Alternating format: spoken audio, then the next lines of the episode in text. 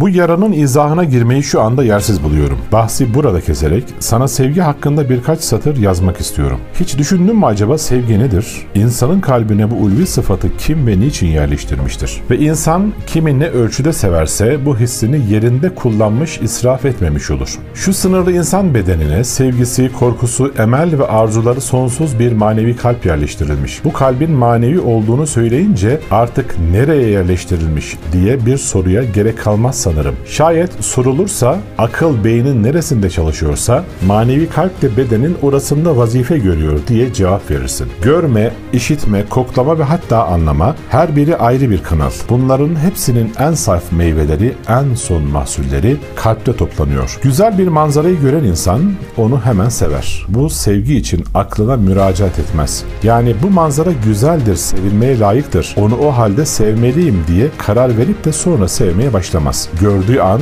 manzara hoşuna gitmiştir ve kalbi ona meyletmiştir. İnsan bülbülün sesini de sever. Bu defa sevgi kulak vasıtasıyla kalbe intikal etmiştir. Bunlar gibi anlama da bir sevgi vesilesidir. Güzel bir yazıyı okuduğumuzda onun yazarına karşı kalbimizde bir takdir, bir bağlılık, bir muhabbet hasıl olur. Bu sefer sevgiye anlama yani akıl vasıta olmuştur. Demek ki kalp akıldan daha geniş bir daire, onun da efendisi. İnsan ruhu kemalattan, ihsandan, güzellikten anlayan, seyrin hakkını verebilen bir ruh. İnsan kalbi bütün bunları sevebilen bir kalp. O halde şöyle düşünmemiz gerekmiyor mu? Bize göz nimetini veren zat kainatı güzelliklerle donattı. Alemi seyredip onu bilelim ve ona muhabbet edelim diye. Bize kulak nimetini bahşeden Rabbimiz bu alemi ayrı ayrı güzellikli seslerle doldurdu. Dinleyip tefekkür edelim ve o sesler alemin yaratıcısını bilip sevelim diye. Aynı şekilde bize akıl nimetini lütfeden Halikimiz şu kainatı atomundan hücresine, çiçeğinden yıldızına kadar sonsuz manalarla doldurdu.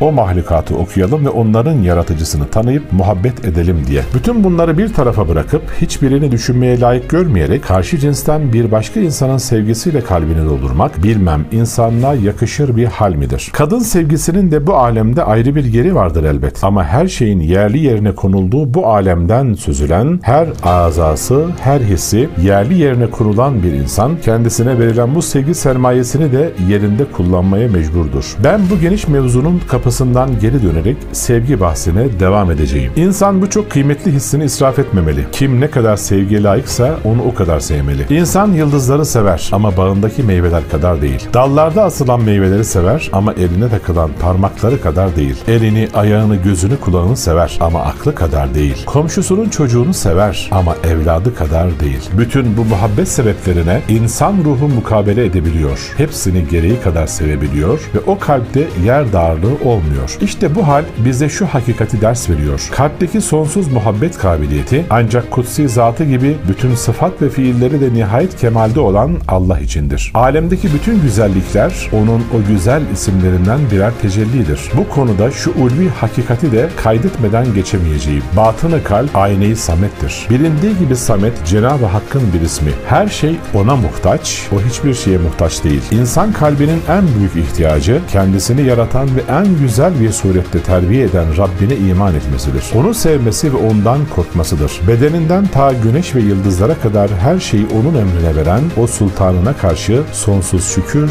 ve hamd etmesidir. Kalp ancak bu iman, marifet ve muhabbetle tatmin olabilir. Sevgi hissini yerinde kullanmak isteyen insan en evvel ve en fazla Rabbini, Halık'ını sevecek, diğer mahluklara da yine onun namına muhabbet edecektir. Bugün sevgi, aşk denilince akıllara hemen kadın ve şehvet geliyorsa bunu bir hastalık, bir zavallılık, bir perişaniyet olarak değerlendirmeliyiz. Şunu da çok iyi bilmeliyiz ki kadın veya erkek sevgisi dahil her şeyi ve her zevki Allah sayesinde tadabilmekteyiz. O bizi çift çift yaratmasaydı kadın veya erkek olarak sevgisini nereden bilecektik? Bu hakikati Kur'an-ı Kerim bize şöyle ders veriyor. Yine onun ayetlerinden, alametlerindendir ki kendilerine meyil bir ülfet edesiniz diye sizin için kendi cinsinizden zevceler yarattı ve aranızda bir sevgi bir merhamet icat etti. Şüphesiz bunda düşünecek bir kavim için ibret alınacak alametler, ayetler var. Rum suresi 21. ayet. Şu kainata baktığımız zaman her şeyin yerli yerine konulduğunu, eşyanın mükemmel bir nizam ile dizilip döşendiğini görürüz. İşte bu hal bir tanzim edicinin varlığını gösteren bir delil, bir alamet. Şuursuz eşyanın şuurlu işler görmeleri ayrı bir delil. Kainattaki güzellikler bir güzelleştiriciyi, nimetler bir nimet vericiyi gösteren ayrı ayrı deliller. Kur'an-ı Kerim'de geçen ayetlerin her biri ayrı ayrı hakikatlere delil ve alamet. İşte yukarıda mealini verdiğimiz ayet de bize çoğu zaman unuttuğumuz bir başka delili ders veriyor. İnsanlara bir başka hayvan cinsinden değil de kendi cinsinden zevce yaratılması gerçekten ne büyük bir nimet. Yine kadın ile erkek arasına bir merhamet ve muhabbetin konulması ne azim bir lütuf. Şöyle bir düşünelim. O göstermeseydi biz neyi görebilirdik? Nitekim halen göremediğimiz nice varlıklar mevcut. Ruh, akıl, melekler, manyetik dalgalar gibi. O işittirmeseydi biz neyi işitebilirdik? Nitekim halen işitemediğimiz nice sesler var. Belli bir frekans aralığının dışındaki sesleri işitemiyoruz. Yine o sevdirmeseydi biz neyi sevebilirdik? Nitekim halen bizim iğrendiğimiz ama başka hayvanların zevkle yediği nice nimetler ve bizim tiksindiğimiz ama onların zevkle seyrettiği nice varlıklar var. Lağım kurduna o necaset küpünü deniz gibi sevdiren, kediyi fareye meftun eden bir hikmet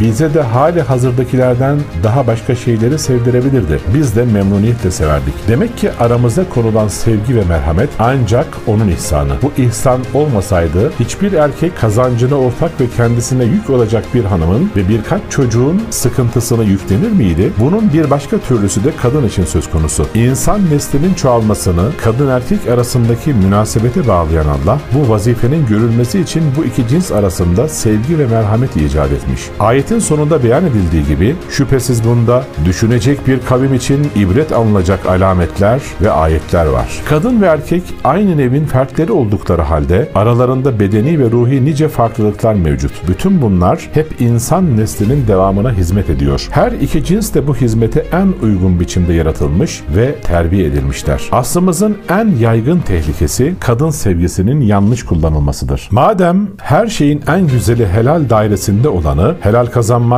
helal yemek, doğru söylemek gibi bunu kadın veya erkek sevgisine de tatbik etmemiz gerekiyor. Kadın niçin sevilir? Sorusunun cevabını çoğu gencimiz maalesef bilmiyor. Yukarıdaki ayetten aldığımız derse göre meseleyi şu şekilde değerlendirmeliyiz. Kadını erkeğe Allah sevdirmiştir. Erkeği de kadına. Allah'ın sevdirmesi elbette helal dairesi içindedir ve hak için, hayır için, cennet içindir. Gayrimeşru sevgiler bu sevdirmeye dahil değildir. Onlar rahmani değil, şeytanidir. Kadınlar şeytanın ağlarıdır hadisi şerifinde bu tip sevgiye kapılanların acı akıbetleri çok veciz bir şekilde dile getirilmiş. Bir kadın, kadın olarak ancak kocası tarafından sevilebilir. Bunun dışındaki bütün sevgiler şeytana ağ olma tarifi içindedir. Şimdi bir genç kız yarın kiminle evleneceğini bilmeden ve zaten önünde uzun bir tahsil hayatı varken kimin ölüp kimin kalacağı meçhul iken dikkatlerini çektiği ve şehvetlerini tahrik ettiği yüzlerce insandan ancak birisiyle evlenebileceğini de çok iyi bildiği halde kendini ölçüsüzce açıp saçabiliyorsa bu kızımız sevginin hakikatine erememiş ve bilmeden şeytana ağ olmuştur. Şeytan o ağ ile nice gencin iffetini, hayasını, terbiyesini ve nihayet imanını avlar. Nicelerinin hayallerini ifsat ve iç dünyalarını harap ettikten sonra bunlardan birisiyle alaka kuran bir genç kız onunla nikahlanacağı ana kadar gayrimeşru bir hayat sürer. Bu hayatın sonu nikahla biterse geride günah ve isyanla dolu kocaman bir zaman dilimi kalacaktır. Ya çoğu kere olduğu gibi sudan bahanelerle bu evlilik gerçekleşmezse işte o zaman ahiretteki dehşetli azap yanında dünyada da taraflar için bir ömür boyu sürecek vicdani neticeler miras kalacaktır. Her neyse biraz mevzu dışına çıkar gibi oldum. Sadede geliyorum. Kadını şeytan ağı olarak tarif eden hadisi şerif hem kadınlara dikkatli olmaya çağırmakta hem de şehvet esiri erkeklerin gerçekte kimin ağına takıldıklarını haber vermekte ve onları ikaz etmekte. Bu hadis ile şehvetine esir olmuş bir erkek şeytanın ağına takılmış serseri bir balık olarak tasvir edilmekte. Hülya çok iyi bilirsin ki iman küfre zıt olduğu gibi itaat isyana ve nihayet dünya ahireti zıt. Bunlardan birisine ne nispetle yaklaşırsan diğerinden o nispette uzaklaşırsın. Ne kadar itaat edersen isyan ile aran o derece açılır. İmanın ne ölçüde kuvvet bulursa küfür ve isyandan o kadar uzak kalırsın. Aynı şekilde dünyaya ne kadar itibar edersen ahiretin o kadar sati kalır. Dünya zevklerini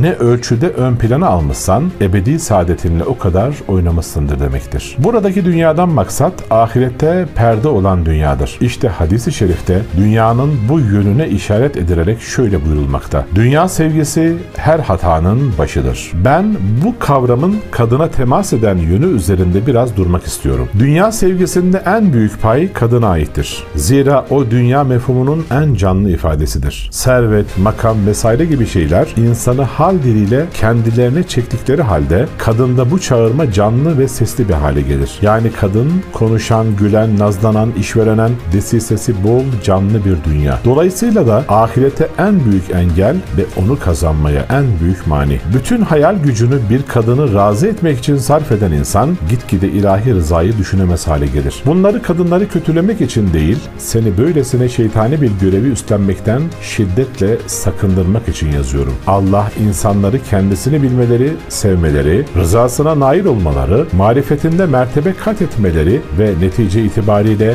cennete layık bir kıymet almaları için yaratmış. Bu hakikatlerden gaflet ederek varlığını sadece bir cinsi alakaya hasretmen şeytani ve nefsi olmaktan öteye gidemez. Son olarak not defterinden bir vecizeyi nakledeyim. Bir kadehle sarhoş olduktan sonra denizi nasıl içebilirsin? Günümüzde gençlik katreye aşık ve onunla sarhoş olma yolunda. Denizi içmekten maksat kalbe ilahi muhabbeti yerleştirmektir. Bütün varlıklar ancak Allah namına sevilir. Meşru dairedeki kadın ve erkek sevgisi zaten onun kalpler arasına yerleştirdiği bir alaka ve onu sevmeye mani değil. Sevgi hissini yerinde kullanabilmen dileğiyle mektubuma son veriyorum. Selamlar.